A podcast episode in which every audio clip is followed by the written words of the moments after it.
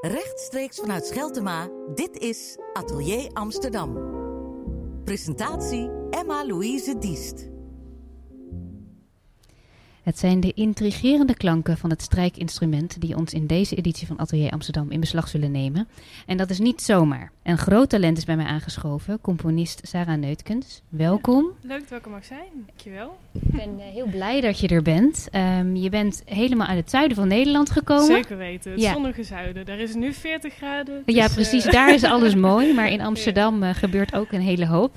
Ehm, we, we luisteren allemaal wel naar jouw album, ook hier. En in het buitenland wordt het ook al opgepikt. Ja, heel tof. Er gebeurt heel veel in je leven. Je bent nog heel jong. Dit is niet je eerste album, hè? Nee, Dit is, dat eh, klopt. Vorig jaar heb ik eh, nog een album uitgebracht, eh, Cumulus. Dat is ook al best wel goed gegaan allemaal. En dit jaar dacht ik, nou, ik moet nu eindelijk ook iets schrijven dat niet alleen voor piano is. Ehm, dus begon ik ook voor strijkers te componeren. En ja, zo geschieden. Toen kwam dit album. Ja, want de piano is jouw instrument. Ja. Kan ik dat zo zien? Klopt, ja. Ja. Ja, ik ben pianist. En ja, dit doe ik er dus ook gewoon bij. Ja, dat klinkt voor jou misschien heel normaal. Maar voor mensen die dat net horen, denken dat is toch wel heel erg bijzonder. Je bent niet een geschoold pianist, hè? Of in ieder geval, je hebt ik wel lessen gehad, maar je bent niet naar het conservatorium Ik gegaan. ben niet naar het conservatorium Nee. gegaan. Nee, ik ben kunstgeschiedenis gaan studeren. Ehm, ook omdat ik een bepaalde afstand wil houden eh, tussen wat ik maak en waarvoor ik leer. Zodat ik het echt helemaal recht uit mezelf kan maken. In plaats van dat ik door allemaal regels, conventies, technische dingen eh, geremd kan worden. Want dat zie je toch wel als een belemmering, de bestaande conventies. Denk ik wel. Ik denk dat ik er dan te veel mee bezig zou zijn. En dat, ja, ik, ik denk dat er mijn muziek niet te goede zou komen. Wie weet dat ik uiteindelijk toch denk van, nou, ik ga toch compositie studeren. En eh, word ik heel wijs. En word ik technisch ook een heel stuk beter. Maar ja. En dan ben ik heel benieuwd hoe dat bij jou werkt. Want als je niet eh, de conventies gebruikt die er eh, worden aangereikt binnen een schoolsysteem, Mhm. Je hebt toch bepaalde regels waar je aan houdt. En dat zijn dan jouw regels. Kan Ja. je daar iets over vertellen? Wat voor jou dan belangrijk zijn? Welke grenzen jij hanteert? Eigenlijk de enige grens die ik hanteer is schoonheid. Ehm, ik, ik, ik let eigenlijk niet per se in eerste instantie op techniek. Of ik, ik ga niet kijken of er parallele kwinten of zo in zitten. Daar maak ik me in het begin helemaal niet druk om. Later wel. Maar dat komt dan later wel. Maar ik, ik zorg er eigenlijk voor dat ik precies ehm, probeer te maken wat, er, wat ik voel. Wat ik ervaar. Dus ik wil niet echt letterlijk een gevoel uitdrukken van, nou, dit is, ik voel me vrolijk of ik voel me blij of ik wil geen verhaal vertellen, maar ik wil gewoon schoonheid vertellen. Eigenlijk. En wat is schoonheid voor jou? Nou ja, wat ik probeer uit te drukken met mijn muziek. ja, schoonheid, het, het kan heel, heel divers zijn. Schoonheid zi- zit voor mij ook vaak in een bepaald soort melancholie. Het is vaak iets heel, heel sobers, iets onverwacht. Schoonheid is echt nummer één, dus de prioriteit in alles. Nou, En hoe ga je op zoek naar die schoonheid? Want eh, je zegt dat is niet een letterlijke vertaling van iets wat ik voel of iets wat ik zie naar de muziek. Maar je moet wel waarsch- waarschijnlijk een aantal dingen meemaken of een aantal dingen ervaren die je zou kunnen gebruiken. Hoe ga je op zoek naar de schoonheid? dat gebeurt toevallig. Schoonheid, dat, dat, dat, dat springt ineens. Ook allemaal stukken die ontstaan ehm, als ik bijvoorbeeld onderweg ben of als ik me heel erg verveel. Dan komen vaak de beste ideeën, want dan ben je eigenlijk niet echt bezig met iets zoeken, maar dan ben je alleen maar bezig met per ongeluk iets vinden. Dus ja, dat, meestal komen zomaar stukken tot stand. Ook bijna heel deze CD is, is geboren in. eh, zo s'nachts als kon slapen of in de trein of op heel onverwachte momenten. En dan lukt het eigenlijk het beste om het gevoel dat jij hebt of eigenlijk jouw wezen eh, uit te drukken. En is dat voor jou heel duidelijk? Je gebruikt grote woorden als je wezen. Dat is een heel groot begrip. Heb je een, een gevoel dat je heel goed weet wie je zelf bent? Denk ik wel, ja. Ik denk dat ik dat, eh, ja, nu wel. Op dit punt, in- ja, in de tijd denk ik dat ik dat wel weet. Maar natuurlijk verander je je hele leven lang wel een beetje. Maar ik heb wel het idee dat ik ehm, wel weet hoe ik echt het, het diepst van binnen in elkaar zit. En dat is ook waarom ik mijn stukken schrijf. Omdat het iets is dat je in geen enkel woord of in geen enkel beeld heb ik zelf dan, eh, kan uitdrukken. En ja, ik wil het toch op de een of andere manier uit kunnen drukken. Dus ja, zo ben ik maar gaan componeren. Eigenlijk uit een soort van, dat is wat, uh, ik geloof dat het uh, Kandinsky is, die zegt dat er een soort innere noodwendigheid is. Dus een soort van innerlijke noodzaak om dingen te maken. Dat, ja, daar geloof ik heel sterk in. Dat dat, ja, er zit iets in je en dat, dat moet er gewoon uit, hoe dan ook. En die vrijheid is voor jou dus heel belangrijk, dat je niet wordt tegengehouden. Ja. ja. ja. Hoe zorg je ervoor dat die vrijheid uh, blijft bestaan? Dat je dus niet wordt tegengehouden door bijvoorbeeld, ja, mensen kunnen al een mening hebben, mensen kunnen al uh, jou belemmeren in je bewegingsvrijheid, letterlijk. Dat je dus die ruimte niet meer hebt om je te vervelen. Hoe waarborg je die vrijheid? Door altijd mezelf te hebben. dat is eigenlijk heel erg fijn. Je hebt altijd jezelf. Je kan alles kwijtraken. Je kan bijvoorbeeld ontzettend arm worden. Je kan, uh, je kan in principe al de rest van je inspiratiebronnen kun je allemaal kwijtraken. Maar de grootste inspiratie die kun je ook gewoon zelf zijn. Dus als je heel dicht bij jezelf blijft, dan denk ik dat het wel te doen is om altijd die vrijheid te houden. Maar het is soms wel lastig om de hele tijd naar jezelf te blijven luisteren. Om gewoon zo min mogelijk invloed van buitenaf te, op te pikken. Ja, vooral in de maatschappij die vaak heel veel vraagt van je. Ja, dat wel. ja. Maar het is ook, daarbij helpt het ook om heel veel verschillende dingen tegelijk te doen. Want ik, ja, ik ben naast componist ook model en ik studeer nog. Uh, ik, ik, maak ook beeldend werk. Dus zodra ik denk van nou in de muziek kan ik mezelf nu even niet vinden, dan lukt het misschien wel uh, in, in de rest van mijn werk. Dus heb je altijd een soort van uitweg. Als je eenmaal een complete writersblok hebt, dan kun je altijd nog ergens in uitdrukken. Ja, dat klinkt heel uitgebalanceerd eigenlijk. Eigenlijk heel volwassen. Maar ik neem aan dat dat ook wel soms inderdaad moeilijk is. En dat je soms die balans weer moet vinden. Mm Kan je ons meenemen naar zo'n moment dat dat even iets moeilijker is. Maar dat je dan bepaalde stappen zet om die balans weer. om dat weer in evenwicht te krijgen? Nou, ik, ik moet je wel vertellen, dat gebeurt heel erg vaak dat ik denk van ik zie het helemaal niet meer zitten hoor. Met alles, al die ballen zeg maar hoog houden. Um, het is uh, op sommige momenten ook wel moeilijk. Ook in de aanloop naar, de, uh, naar het uitbrengen van deze CD had ik wel echt de momenten van, nou ja, dadelijk dan heb ik iets gemaakt dat ik, dat, waarin ik dus super veel energie en tijd en geld in heb gestoken. En um, dan, dan zit ik daar met een CD en dan wordt die bijvoorbeeld helemaal niet opgepikt. Of gaan mensen zeggen van, oh nee, ik hoor eigenlijk helemaal niks persoonlijks in. Wat bijna niet kan, maar daar ben je dan natuurlijk super bang voor dat, is een hele grote angst. En dan, dan kom ik wel eens thuis. Mijn ouders die, uh, die zijn daarin wel heel erg belangrijk. Die zetten me altijd als ik dan een beetje uh, bang word. En dan denk van oh, ik ga te veel naar, naar verwachtingen luisteren of zo. Of ik, ik, ik, ja, ik, ik zit in een put omdat mensen andere dingen van mij verwachten dan dat ik zelf wil doen. Um, dan ga ik meestal wel naar mijn ouders of naar mijn opa en oma. En zijn er ook wel heel erg goed in. en die zetten me met beide benen op de grond. Die zeggen van je moet gewoon alleen maar doen wat je hart zegt. Dat werkt altijd. Ja, ja en dan word je weer eventjes bij jezelf teruggebracht. Ja, dat is heel belangrijk. Door die belangrijke mensen in je leven. Die zijn dan toch ook wel fijn dat die er zijn. Ja, en wandelen. Wandelen en katten. Dat is ook essentieel. En wandelen met katten is natuurlijk helemaal geweldig. Nee. Wandelen met katten is helemaal geweldig. Ik heb, ik heb twee katten die ik uit kan laten. Dus dat is helemaal de topcombi. Geweldig. Maar als we het even hebben over die aanloop. Wat je al zei, die is een beetje soms een wat moeilijker. Of het is, uh, dat vraagt wat meer van je mm -hmm. naar, zo'n, uh, naar het uitkomen van een album. En in dit geval ben je een hele nieuwe uitdaging aangegaan. Mm -hmm. Je hebt een heel ander instrument gekozen. Ja. Hoe is dat bij jou ontstaan? Want je bent heel intuïtief. Hoe heb je op een gegeven moment gevoeld, nou, nu heb ik die piano, mag ik eventjes gedag zeggen, ik ga een ander instrument nemen. Hoe is dat gegaan bij jou? Ja, het is niet echt een bewuste keuze, denk ik. Ik, ik hoor mijn muziek in mijn hoofd. En ik hoorde toevallig strijkers. En ik, ja, in het begin dacht ik al van, ah shit, wat weet ik helemaal niks van af. ik weet echt helemaal niks van strijkers af. Dus toen ben ik maar een beetje gaan zoeken met uh, behulp van een goede vriend van mij, Anthony Fiamara, ook componist, goed componist. Die, um, die heeft me natuurlijk geholpen, want hij geeft ook les in Tilburg op, de, uh, op het conservatorium, dus hij weet er wel iets van. dat is altijd heel erg fijn om mensen te hebben die dan toch wel iets weten. Maar daar maak ik dan lekker gebruik van, heel erg. Maar ehm, die heeft me wel geholpen om te laten eh, zien van nou, dit zijn de mogelijkheden, je moet hier wel op letten, dit zijn de struikelblokken. Uh, het helpt me natuurlijk met het noteren, want als je het zelf uitvoert, net zoals op de vorige cd, ja, dan hoef ik het alleen maar in mijn hoofd te hebben. En een echte componist kan het gewoon goed opschrijven. En ook veel sneller dan ik.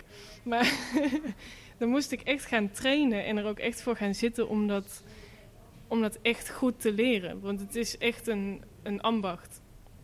En nou ben ik, eh, ja, heb ik niet het grootste geduld. Dus ik had het al heel erg snel gezien. Ik dacht van, nou ja, ik heb, uh, ik heb de dingen ongeveer zo staan zoals ik denk dat ze moeten. Maar dat kan natuurlijk niet, want er zijn in dit geval acht strijkers die het uit moesten voeren van het Dutch String Collective die zijn wel heel erg goed in AVU dingen lezen. Maar je moet natuurlijk wel alles erbij schrijven. Dus ook van hun heb ik weer hulp uh, ingeschakeld. Van hoe, uh, hoe kan ik het het beste opschrijven met dynamiek en dat soort dingen. Dat is, wel, uh, dat is ook wel heel erg van belang geweest om er heel nauwkeurig in te zijn. Dus het proces van het maken van deze CD was echt volkomen anders dan bij de vorige CD. Dat was echt een gigantische leerschool. Want die vertaling, denk ik, wat jij hoorde in je gedachten, mhm. dan naar papier en dan vervolgens ook naar de strijkers die je dan onder je hoede hebt, als ik het zo kan, uh, kan zeggen. Hoe gaat dat dan? Want um, die vertaling die ken je nog niet natuurlijk. En ook degene die je dan erbij betrekt, die jou kunnen helpen, die weten misschien ook niet hoe ze je moeten helpen. Ja, nou, dat, we hebben het er wel eerst nog over gehad. Um, ik en Marike, de violiste, eerste violiste.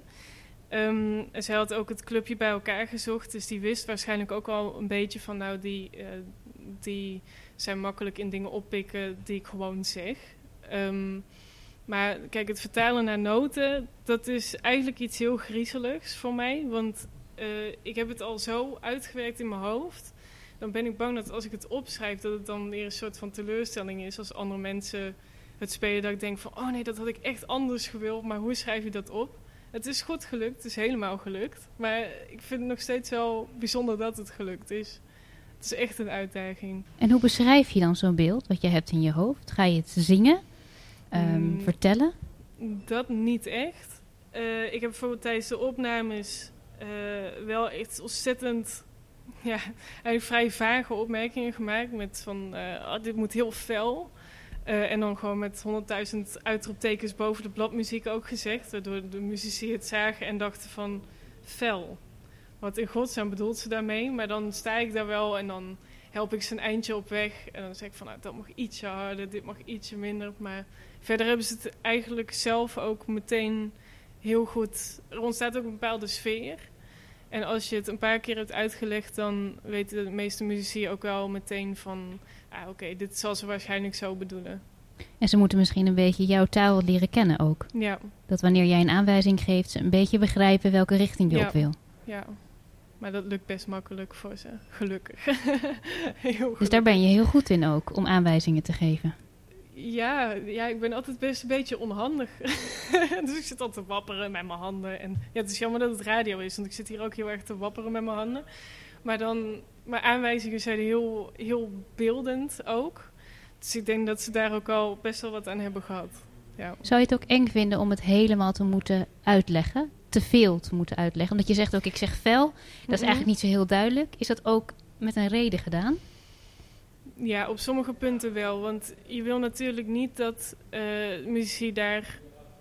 Kijk, je hebt al een bepaald beeld in je hoofd. Maar als het beeld helemaal perfect klopt, dan is er niks meer aan. Dus je hoopt natuurlijk dat er een paar toevalligheden in de opnames zitten waarvan je denkt van eigenlijk is het veel mooier. Die zitten er wel een paar in wat ik niet had gepland, maar wat eigenlijk veel beter uitpakte dan dat ik had verwacht. Kan je die noemen? Boah, man, ik zou het zo niet. Uh, nee, maar het is gewoon um, dat er een bepaalde dynamiek in komt. Of ik heb één punt waar. Um, ja, nee, dat zou ik nog even terug moeten luisteren, maar dat er dat mensen uh, het eigenlijk heel anders interpreteren qua, qua volume, qua dynamiek.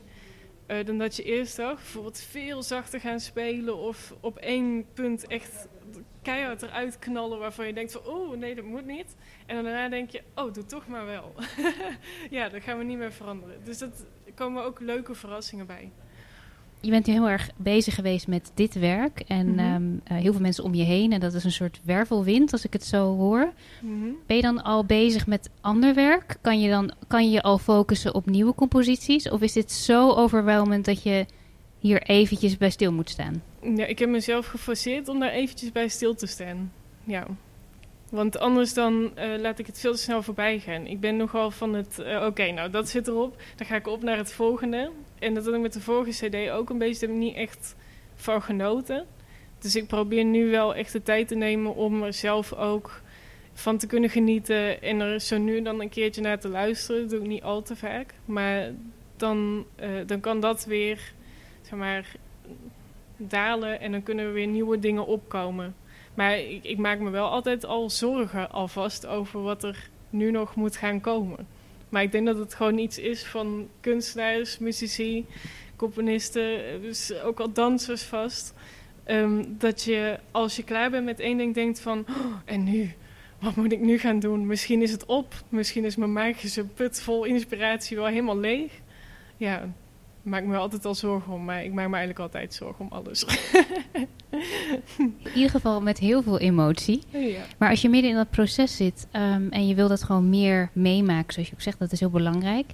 Is er een moment geweest in dit hele proces dat je bezig was met elkaar en dat je het gevoel had, dit wordt precies wat ik wil? Of in ieder geval lijkt het er heel erg op. Ja, ja dat, maar dat had ik eigenlijk.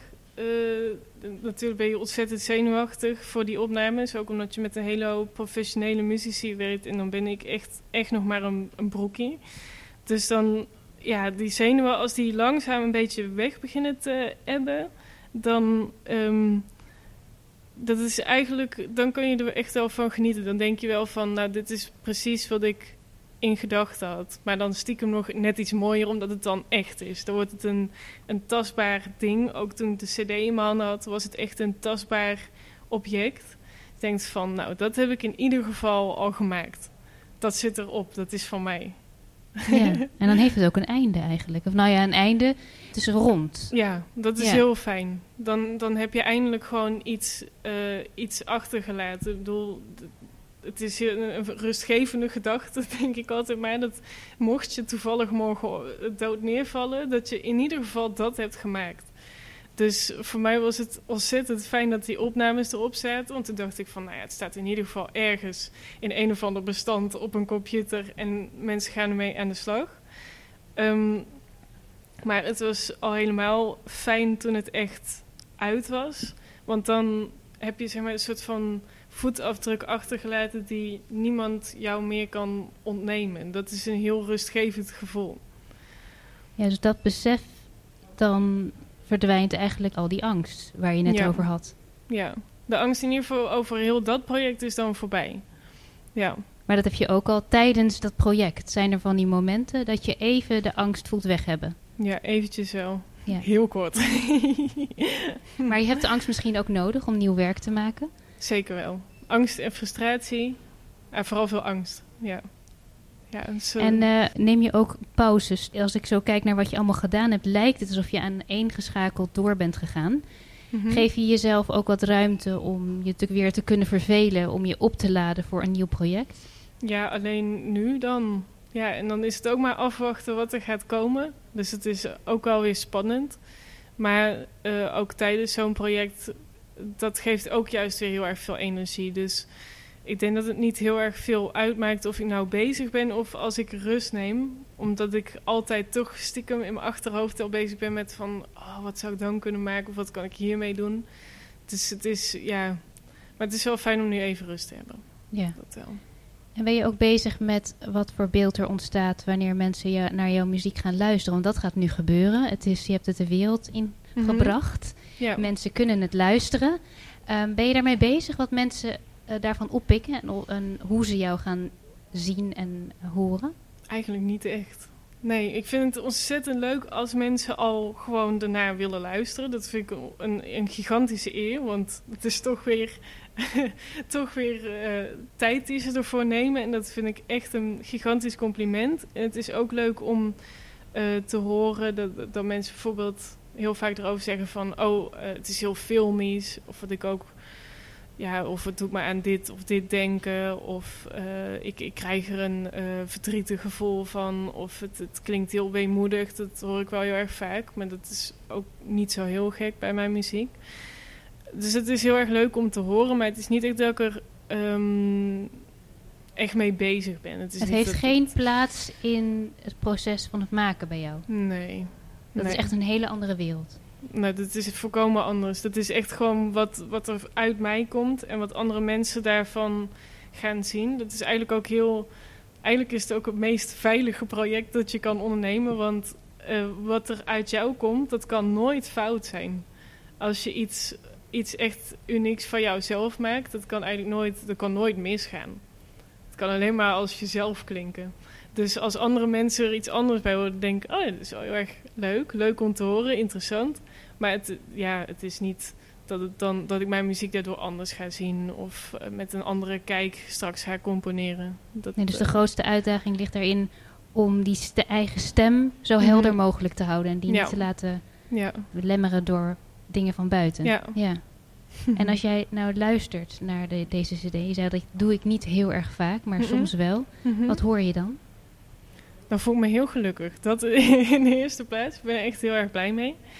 Ehm, en ehm, het, het, dan besef je ook al, het, het raakt eh, wel 100% aan mijn zijn.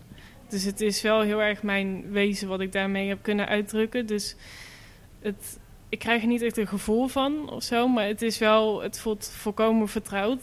Omdat het dan is gelukt om uit te drukken wat ik, wat ik ben. Ja. Ja, ik hoop dat er heel veel mensen ook heel gelukkig worden bij het luisteren Ik hoop naar jouw ook. muziek. En eh, die vrijheid ook een beetje voelen die je net heel erg mooi en beeldend hebt verwoord. Nou, Dankjewel voor dit gesprek. ontzettend bedankt. Leuk.